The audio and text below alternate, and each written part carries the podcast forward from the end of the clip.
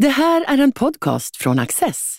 Du hittar fler av våra program på access.se och på Youtube. Mycket nöje! Vem styr egentligen över kulturen? Är det politikerna? Är det tjänstemännen? Är det kulturarbetarna och konstnärerna själva? Och var kommer medborgarnas röster in? Tillsammans synar vi den svenska kulturpolitiken.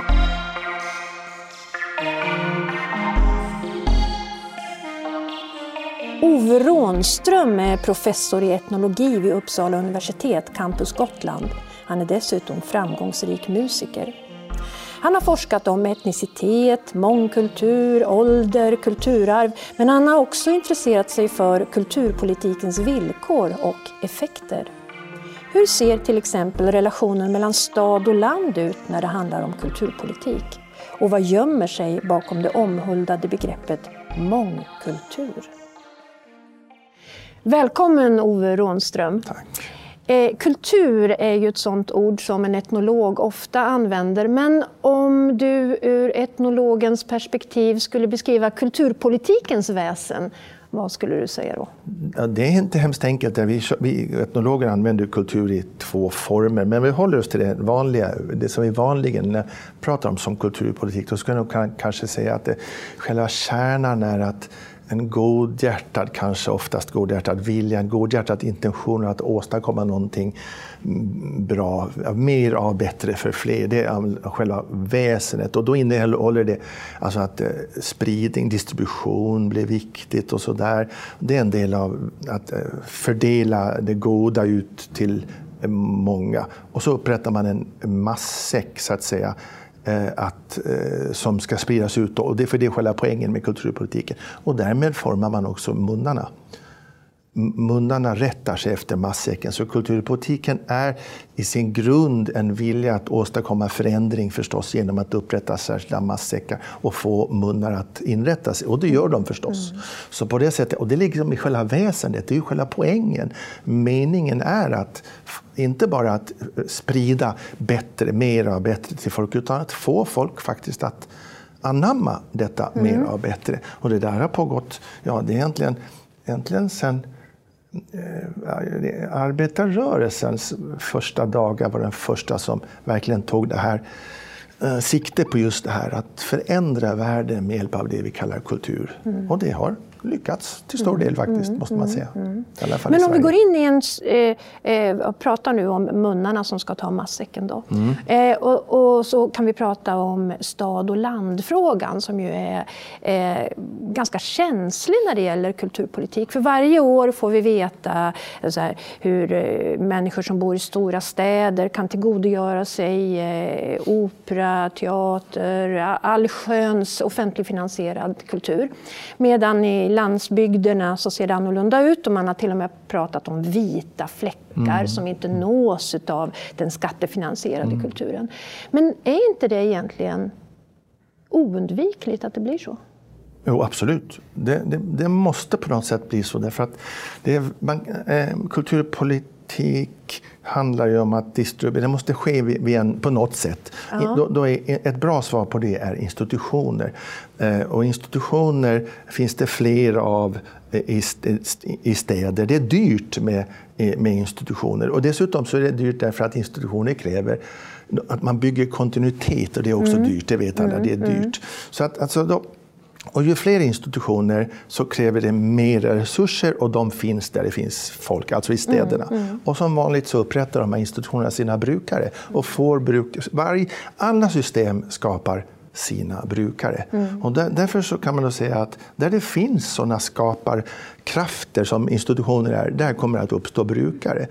Och så finns det då samtidigt eh, är det då så att, att eh, när munnen rättas efter matsäcken så legitimeras ju det här systemet. Det kommer folk, alltså fungerar det. Mm, mm. Men, men kultur är ju också livsformer, inte bara uttryck som ska spridas. Och de här livsformerna är så många fler än det som kultur, så mycket mer och fler av dem och så mycket an, annorlunda, alltså med så mycket större komplexitet. Så att det som vi kallar det kulturpolitiska fältet kommer absolut säkert att lämna vita fläckar som inte täcks av den här, det vi kallar det kulturpolitiska fältet. Och de där kommer det inte att byggas institutioner och där kommer kontinuitet och resurser vara ständiga problem. Mm, mm. Eh, så, så kommer ja. det alltid att behövas ut. Alltså, alltså kulturen är mycket, mycket större än kulturpolitikens ja, terrängen är ja. väsentligt större än kartan ja. och då i det här fallet är kulturpolitik då en typ av karta. Ja, men skulle kartan kunna vara mer träffsäker? Det generella svaret måste nog vara nej. Det som, det som eh, istället behöver göra är att man måste kunna tänka sig att kan man inte tänka sig fler kartor istället? Jaha, ja. ja, alltså, jag menar, en karta har ett ändamål och då kanske är det så att ett, varje karta har något slags syfte ja. och det är precis det som kulturpolitik är ett syfte på något sätt, eller kanske flera syften. Så man kanske behöver ha kulturpolitikerna, eller hur det ska heta ja. i pluralis. Eh, att eh, att det, finns olika kulturpolitiska system eller kartor för olika terränger. Ja, ja. Och det är som om att vi inte kan se eller erkänna att terrängerna är så mycket större och så många fler än vad de här, de här kartor vi hanterar. Mm. Men bidrar det här till polariseringen mellan stad och land? Ja, absolut. Det måste, det måste man nog säga. För att om, om vi har en karta för en terräng som premierar eh, institutioner av olika slag, då menar jag inte bara de stora institutionerna. Vi talar inte bara om sånt som eh, vad ska jag säga, Operan eller Länsmusikstiftelsen, utan en vidare bemärkelse, mm. olika typer av institutioner. Eh, som, och det är nödvändigt att ha institutioner, det måste man förstå, för annars finns det ingen kontinuitet. Och kontinuitet är ju jätteviktigt. Mm. Eh, men, men de här institutionerna de liksom, de blir ett självfödande system. Då. Så hur skulle man kunna hitta eh, kulturpolitiska, eh, verksamma kulturpolitiska medel, resurser att fördela efter andra kartor? Det måste vara möjligt. Mm. Det har funnits andra kartor tidigare. Det kommer att finnas andra kartor, så varför inte? Men problemet är att det ser ut att vara svårt att få dem att fungera för samma sektor att, att samma sektor har flera kartor samtidigt. Det tycks vara problemet. Ja, det, överhuvudtaget så är det ju svårt att tala om de här sakerna för att ofta talar man om dem inifrån mm. sektorn mm. och alla har en förförståelse av hur ramarna ser ut, hur kartan ser ut och terrängen kommer liksom i andra hand många gånger. Varför är det, är det ovanligt svårt att tala om sådana här saker i Sverige? Ja, skulle jag säga faktiskt. Eh, nu är man ute på hal is, eller hur? Men Eh, ja, det skulle jag nog säga. Sverige är ett mycket centralistiskt land. Inte, inte bara att det är centraliserat, utan jag tänker att centralism också är en, en ja, i mina termer en slags kultur, ett kulturellt betingat mönster. Och den svenska centralismen är väl förankrad och egentligen långt tillbaka och, och fick sin form med Axel Oxenstierna och som ju då gjorde Sverige till kanske världens mest moderna land redan på 1650-talet och så med centralistiska metoder mm. och så här. Så centralismen är enormt stark i Sverige. Så det är svårt att det är svårt att se hur det skulle finnas en position utanför den berömda mm, boxen mm, mm. just i Sverige och i några andra länder som mm. Ungern, kanske Frankrike, kanske några andra. Men, men det finns ju gott om andra länder där det inte ser ut så här. Och där skulle man kunna titta på hur gör de då? Men det finns ingen riktig sån utanför position tillgänglig om man inte befinner sig i en vit fläck. Mm. Men då har man ju å andra sidan ingen röst. För annars vore det inte en vit fläck. Mm. Eh, så kommer coronan. Vad tycker du att man får syn på i mm. den här coronapandemins eh, krisåtgärder vad det gäller kulturen? Va, va, vad visar de? Jag tycker att det, det, bästa ordet i min vokabulär i alla fall, det, det är att det är destabilisering. Så förändring, det betyder att vi redan vet att det hänt någonting. Ja. Och så det kanske hände, men vi är, så, vi är så mitt inne i någonting nu. Så det har, visst har saker förändrats kanske, men i alla fall har de destabiliserats. Vilket bara betyder att det är massa frågetecken överallt. Och eh, en sån sak som har absolut destabiliserats, det är eh, vad ska jag eh, kalla för centrum och periferi. Ehm, I min värld, jag är ju akademiker och, och också mm, som musiker och sådär, vi måste resa en massa. Och eh, jag är anställd i Visby på Uppsala universitet och då går resorna till Uppsala men inte från. Alltså, Uppsala reser inte till periferin, det vill säga Campus Gotland. Men vi på Campus Gotland reser ju dit hela tiden. På det här sättet upprättar varje resa en centrum-periferi-relation och förstärker, legitimerar och bekräftar den. Nu mm. reser vi inte, utan nu skapar vi helt nya, eh, eller i alla fall helt annorlunda system där framför allt centrumkrafterna blir eh, ifrågasatta och mm. faktiskt ofta eh, ganska fundersamma på vad som händer. Medan vi som befinner oss i någon slags mera perifer situation, i alla fall i förhållande till centralnoderna. Vi ler och tänker att ja, men så här skulle vi kunna ha det. Mm. Eh, vi upprättar system. Och det här gäller på så många andra områden också. Det, ett centralistiskt system, eller vad ska, som vi, ja, tenderar att, att det blir väldigt mycket resurser går åt till ganska, ganska få saker. Vi får den berömda kurvan att, eh, och, som förstärks av eh, sånt som krasch bom pang mentaliteten att lägga alla, korg, alla pengarna i en korg och så mm. och göra storslagna saker. Mm, mm. Då får vi den här berömda kurvan. Den går upp, upp som en sol och så ner som en mm. jättelång pannkaka. Mm. Och den där kallar vi för den långa svansen. Mm. Det har blivit ett vanligt namn. Och nu går det inte att göra de där eh, riktigt stora grejerna än av coronaskäl. Men istället så får alla ägna sig åt att göra många av den långa svansen. Mm. Så det är också en destabilisering av centrum-periferin när det gäller framförallt sånt som scenkonst och, mm. och andra former. Men om man tittar på eh, de här krispengarna som går ut från, mm. från staten eh, och sipprar ut via regioner och så, så eh, har det blivit en sorts överraskningseffekt för myndigheterna när de, det, det så plötsligt visar sig, det kommer eh, ansökningar från håll man inte alls har förväntat sig. Eh, det, det, det, är terrängen som visar mm. sig mm. i kartan så att säga.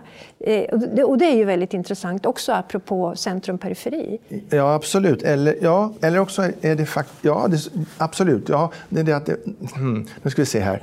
Vad som händer kan ju vara att man upptäcker att det finns flera centrum att det finns flera kulturpolitiker redan. Därför att jag skulle nog säga att det gör det. Men vi brukar inte kalla det för att vi brukar säga att kulturpolitik är det som behärskas av offentliga medel, på no, styrt de offentliga arenorna. Mm. Men vi har ju marknad. Mm. Och, marknaden, som det heter, mm. det bedriver ju en synnerligen effektiv kulturpolitik också och har väsentligt större resurser. Så att det finns ett kulturpolitiskt system kring, i, i, det vi kallar för, för det är ett system, en kapitalistisk marknad.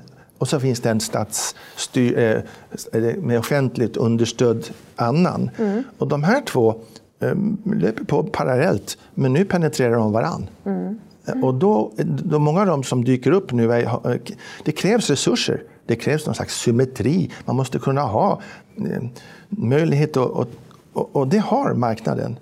Så de, marknads, de som tidigare har varit verksamma där kan nu knacka på dörren och säga, men vi då?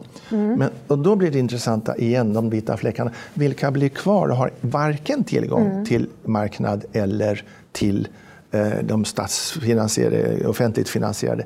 Och då skulle jag säga att en, en rimlig idé är att det är den största delen. Mm.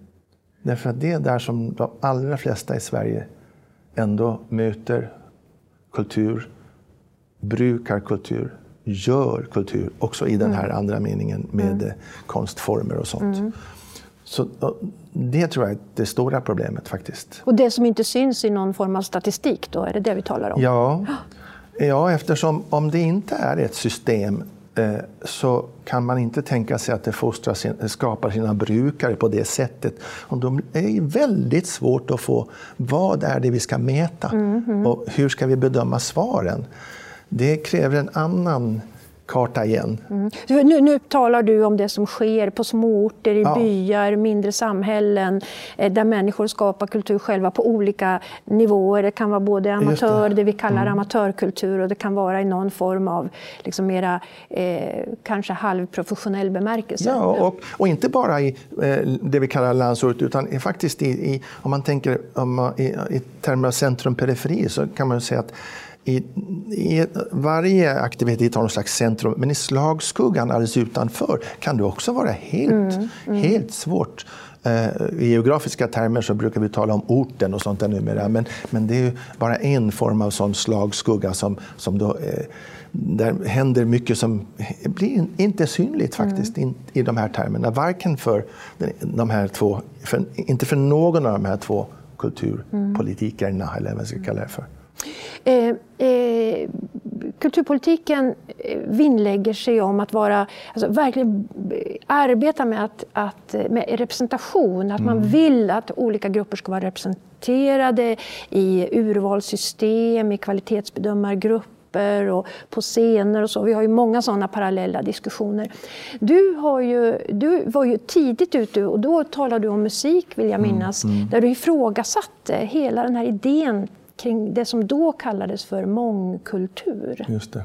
Ja, mångkultur är ett jättebesvärligt begrepp. För det första är det inte ett deskriptivt begrepp. Det, det beskriver inte, utan det är föreskrivande. Det, det, det vill, ska upprätta någonting. om mångkultur, det problematiska är det med att, att mångkultur kräver någon form av enheter eh, som sen man lägger samman som en mosaik, färdiga bitar som sen uppstår ett mönster av. Och det är det vi kallar mångkultur på nationell nivå.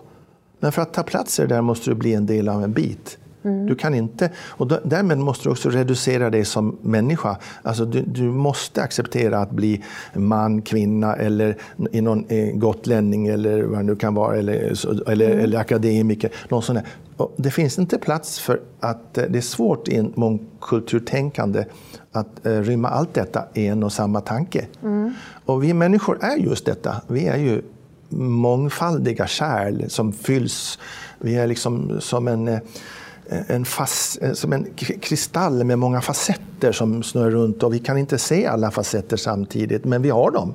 Så att när vi då reduceras till en facett, då kan vi ta plats. Mm. Så den här reduktionen, den är inte bra, tänker jag, för människor på individnivå, men ännu sämre är den för, eh, för, för grupper, därför att vi kan, när samhällets goda när det som vi vill nå eh, enbart är tillgängligt för oss om vi begränsar oss till mm. den här delen av oss, då tror jag att det sker någonting som inte är bra för oss. Mm. Kommer representationskrav underifrån så kan det ha en god kraft, men kommer det institutionellt uppifrån så kan det bli groteskt. Har det blivit groteskt? Ja, i en del fall. Alltså i, när vi nu är i eh, styrelserum och, och, i akademiska sammanhang när vi ska ha sådana här eh, peer review-kommittéer och så här, då, då letar vi efter eh, då måste vi hela tiden leta efter. Tidigare var det så att vi måste leta efter den kvinnliga professorn, annars mm. går det inte. Nu är det faktiskt så i humaniora att vi måste leta efter den manliga professorn, annars går det inte. Men alltså att, det, att den där representationen handlar då inte längre om en, att förändra ett villkor utan att befästa någonting. Mm. Att man blir, eh, i det här fallet då, som professor, att man blir inte det går inte att vara någonting utanför den manliga positionen eller den kvinnliga då förut. Om vi för över det till kulturvärlden då. Mm. Vad, vad har, eh, du kan ju musiken väldigt bra. Alltså, vad har det här fått för konsekvenser för ett musikliv? Väldigt många människor eh, som vi intervjuar då, eh, i ett stort projekt under 90-talet, ni följde, framförallt följde sådana här processer. Då kan man säga att eh, eh några av dem eh, blev väldigt framgångsrika därför att de, eh, de gick in med hull och hår och eh, accepterade och tog på sig den kappan som var mm, föreskriven mm. dem. Ofta var de etniska kappor. De framträdde som turkisk musiker eller grekisk musiker eller jugoslavisk musiker eller varför inte mm. gotländsk musiker. Någonting mm. sånt, va? Mm. Men andra gjorde ju inte det och för dem gick det sämre. Jag intervjuade eh, och arbetade samman länge med en, en fantastiskt duktig jazzmusiker som råkade vara från Kroatien och när han kom till Sverige då så spelade han jazz. Eh, eh, och jätteduktigt. Men det kan man inte göra om man är jugoslav. Då måste man så att säga, du vet den här mm. vanliga följetongen. Så att hans, han hamnade i ett sånt, en sån där vit fläck mm. och, och, kunde inte egentligen få någon framgång eller göra någonting med sin musik överhuvudtaget. Det här är ganska vanligt och det gäller, det gäller det gäller inte då, bara då, det gäller också nu. Så mm. det, det, negativa med det är att vi tycks inte kunna hantera den komplexitet som vi själva vet om att vi, som, vi vet att vi är mer komplexa. Mm. Men systemen eh, blir naturligt nog mer eh, fyrkantiga, mindre komplexa. Och Finns... det blir den här diskrepansen då som, ja. som, är ett, som är ett växande problem när kraven på representation ökar. Då ökar ju också de som inte kommer att passa in. Finns det någonting som tyder på att eh, det här kommer att förändras inom överskådlig tid? Nej, ja, alltså möjligen att det, det förstärks. Det som, det som förändras är ju att om varje sån här, varje sån här eh, för, varje krav på representation av det här slaget kommer att tillverka allt fler boxar som vi ska passa in i. Men då kommer också allt mer att inte passa in. Och då växer, som vi brukar kalla det, för anomalierna. Ja. Och de, när de blir till slut fler och, och, ännu, och större och större och större, då kan en förändring inträffa. Mm. Det här är ju egentligen Kuhns eh, berömda idé om den vetenskapliga eh, revolutionen, när idéerna byter plats med varandra. Mm. och så. Mm. Det är när det samlas för många anomalier, då måste man tänka om. Mm. Och det har hänt många gånger i, i vetenskaplig historia. Men det händer också socialt. Och det händer också kulturellt och socialt. Och kanske är det så att allt fler anomalier samlas, alltså sådana som inte passar in. Men om vi återvänder till stad-land-frågan eller centrum-periferi-frågan som kanske du föredrar att kalla det, eh, så växer ju de här spänningarna. Mm. Det är ju, det är ju eh, eh, ett politiskt växande problem och man kallar det allt möjligt. Det är inte bara polarisering utan det finns en sorts resentiment mm. som man säger, någon känsla av att vara åsidosatt och utskjuten ur eh, värmen. Eh, kommer det här att accelerera? Alltså, vad ser du framför dig? Och nu vänder jag mig till dig som etnolog igen. Mm. Och titta på det utifrån. Vad, vad, får det här för konsekvenser? Kultur är ju också ett sätt att vara människa. Mm. Att vara en individ i ett samhälle och vara en, en eh, myndig medborgare och så. Ja, alltså i Sverige, har det här, eh, eh, i Sverige har det här speciella proportioner därför att vi så länge har haft eh, kopplat eh, centrum till modernitet och till framgång och till nyskapande och till utveckling. Och då, när vi gör det så kopplar vi också, då uppstår en slags, med någon slags underlig automatik tillbakagång, stillastånd, eh, som det var förr, till, mm. det som, eh, till periferin. Och ju mer längre bort, desto mer så. Och då kommer de att kunna upprättas som någon slags besöksplatser för hur det var förr, mm. vilket vi också ser. Mm. Och det är den här dialektiken då som skapar det här, därför att det är väldigt få människor som egentligen, eh, skulle jag säga, jag tror att det är väldigt få som omedelbart skulle säga hurra, vi är efterblivna och, och, icke, och sådär och ligger bortom allting. Jättekul. Nej, det tror jag inte. Utan det här är en klassisk, mm. egentligen en, den klassiska kolonialism, kolonialismens eh, idé. Att det finns ett centrum som, ska, som upprättar periferier och som, förhåll, och som, som man kan använda till någonting. och sånt där. Så det är klart att det, det, finns ett motstånd mot sådana här idéer. Men samtidigt så finns det så mycket eh, eh marknadskrafter som, som spelar in. Mm. Som gör att man faktiskt också kan vinna, åtminstone ekonomiskt kapital. Men man förlorar samtidigt ofta kulturellt kapital eller socialt kapital. Och när den här växlingen när, när växlingskontoren inte lämnar tillräckligt liksom, ja, man får inte ut så mycket av det där, eh, då, då, blir, det, då blir det svårt. jag tror att hur, det hur menar du nu? Nu får du förklara lite tydligare. Jo, men om man, om, om man, eh, alltså, om, man, om, man, eh, om det kommer till ett ställe till exempel i periferin här då, ja. då kan man ju upprätta det stället till, till, en, en, väldigt, till en besöksplats som folk mm, älskar mm, att komma mm, till. Mm. Och då kan man generera en massa ekonomiska kapital. Men det ekonomiska kapitalet vilar på att det inte har samma kulturella kapital mm. som i centrum. Och när den, så länge växlingen av det där äh, ger, ger plus, så att säga, mm. man kan uppfatta det som plus, då kan det nog fungera. Men när det börjar bli minus i kassan, att det, det ekonomiska kapitalet inte inte tillräckligt stort för att möta det, den eh, degradering, vad jag kallar det för, eh, som följer när socialt och kulturellt kapital minskar. Då, mm. då tror jag att det blir väldigt mycket... Och jag, jag undrar om inte det här sker hela tiden nu. Att den här växlingskurserna blir svagare. Och då tror jag att eh, då, då, tror jag att vi kommer att kunna få se en mycket kraftfullare krav på på kompensatoriska mm. åtgärder från mm. staten eller, eller så. Mm. Vi ser det redan. Mm. Men, men staten har inte verktyg egentligen för att klara upp det eftersom vi har byggt en sån centralistisk stat där så mycket är knutet till centrum.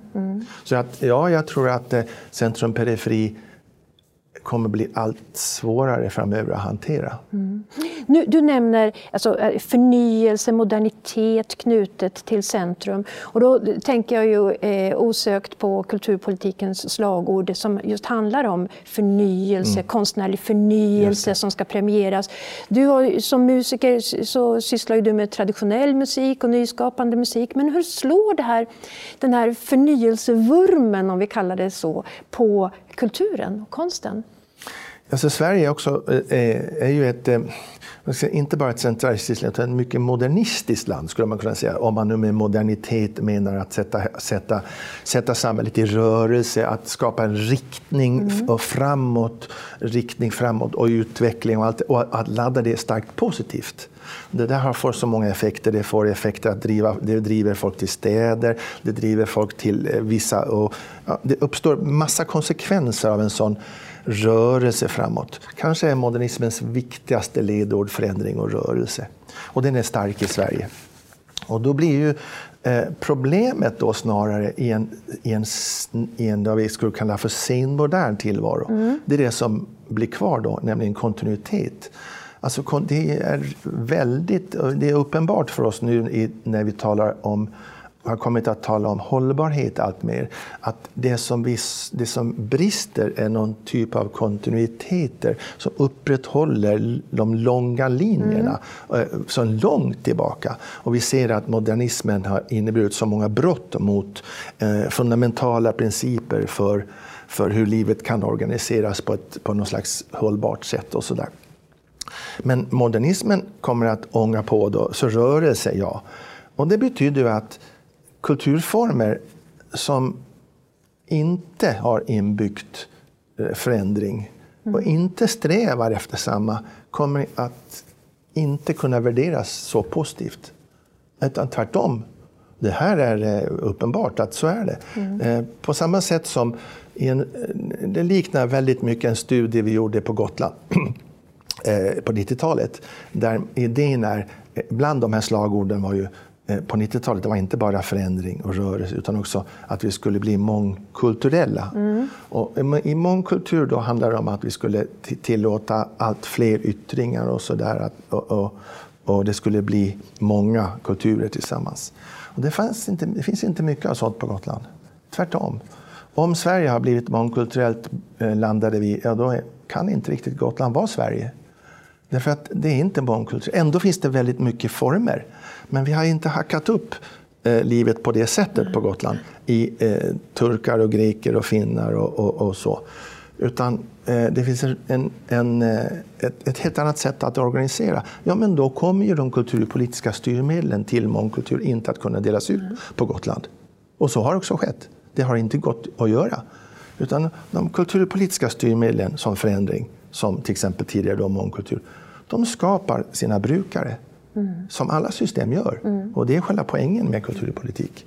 Men om man försöker knyta ihop de här eh, resonemangen som du har. Om vi, om vi strävar mot ett mer hållbart samhälle eh, och fler människor kommer att leta de långa linjerna och kanske också, det är ju ett nytt och stort intresse för kulturarv och kulturarv mm. har diskuterats som aldrig förr skulle jag vilja mm, säga och kulturarvspolitik inte minst. Finns det då en, en möjlighet att det här kommer att förändras? Också tänker jag synen på den, de konstformer som ansetts som stillastående eller icke-moderna, då, eh, traditionella, eh, de vi redan kan.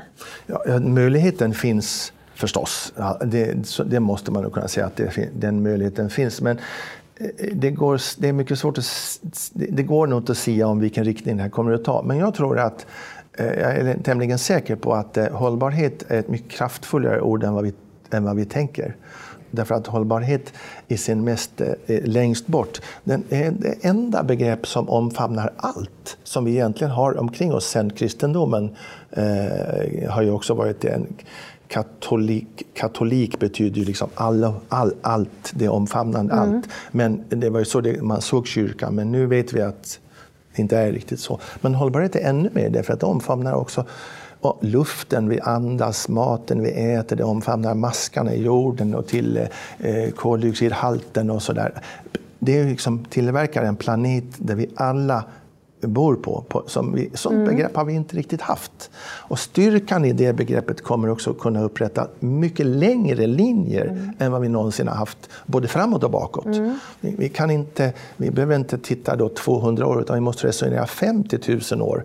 Eh, till exempel med kärnavfall och, mm. och sådär. Mm. Och, alltså att, hållbarhet kommer att förändra den kulturpolitiska kartan och hela vårt sätt att tänka. Och jag tror att det redan har börjat, men i vilken riktning det tar, det går inte att säga. Men att det är ett, en, en sån kraftfull motor i, eh, i, i ganska mycket. Mm. Och där är vi precis nu? Ja, jag tror att vi är precis där nu. Och det betyder att eh, en framtida kulturpolitik som inte hanterar eh, hållbarhet i något avseende är nog inte lätt tänkt. Eh, det tror jag vi inte kan se framför oss. Vi måste nog fråga in hållbarhet och översätta det Eh, precis som vi gjorde med, tidigare med etnicitet omformades till mångkultur, eh, genus och kön omformades till eh, kvinnor och män till exempel som vi pratade om i representation. Och så. Det kommer att kräva översättningar, många. Men en kulturpolitik som inte hanterar det, det är nog inte möjligt. Tack så mycket Ove Rånström. Tack. Tack.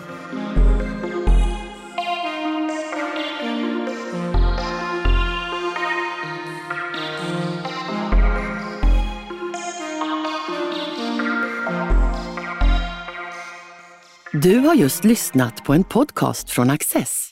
Du vet väl att vi också är en tv-kanal och tidning? Teckna en prenumeration idag på access.se.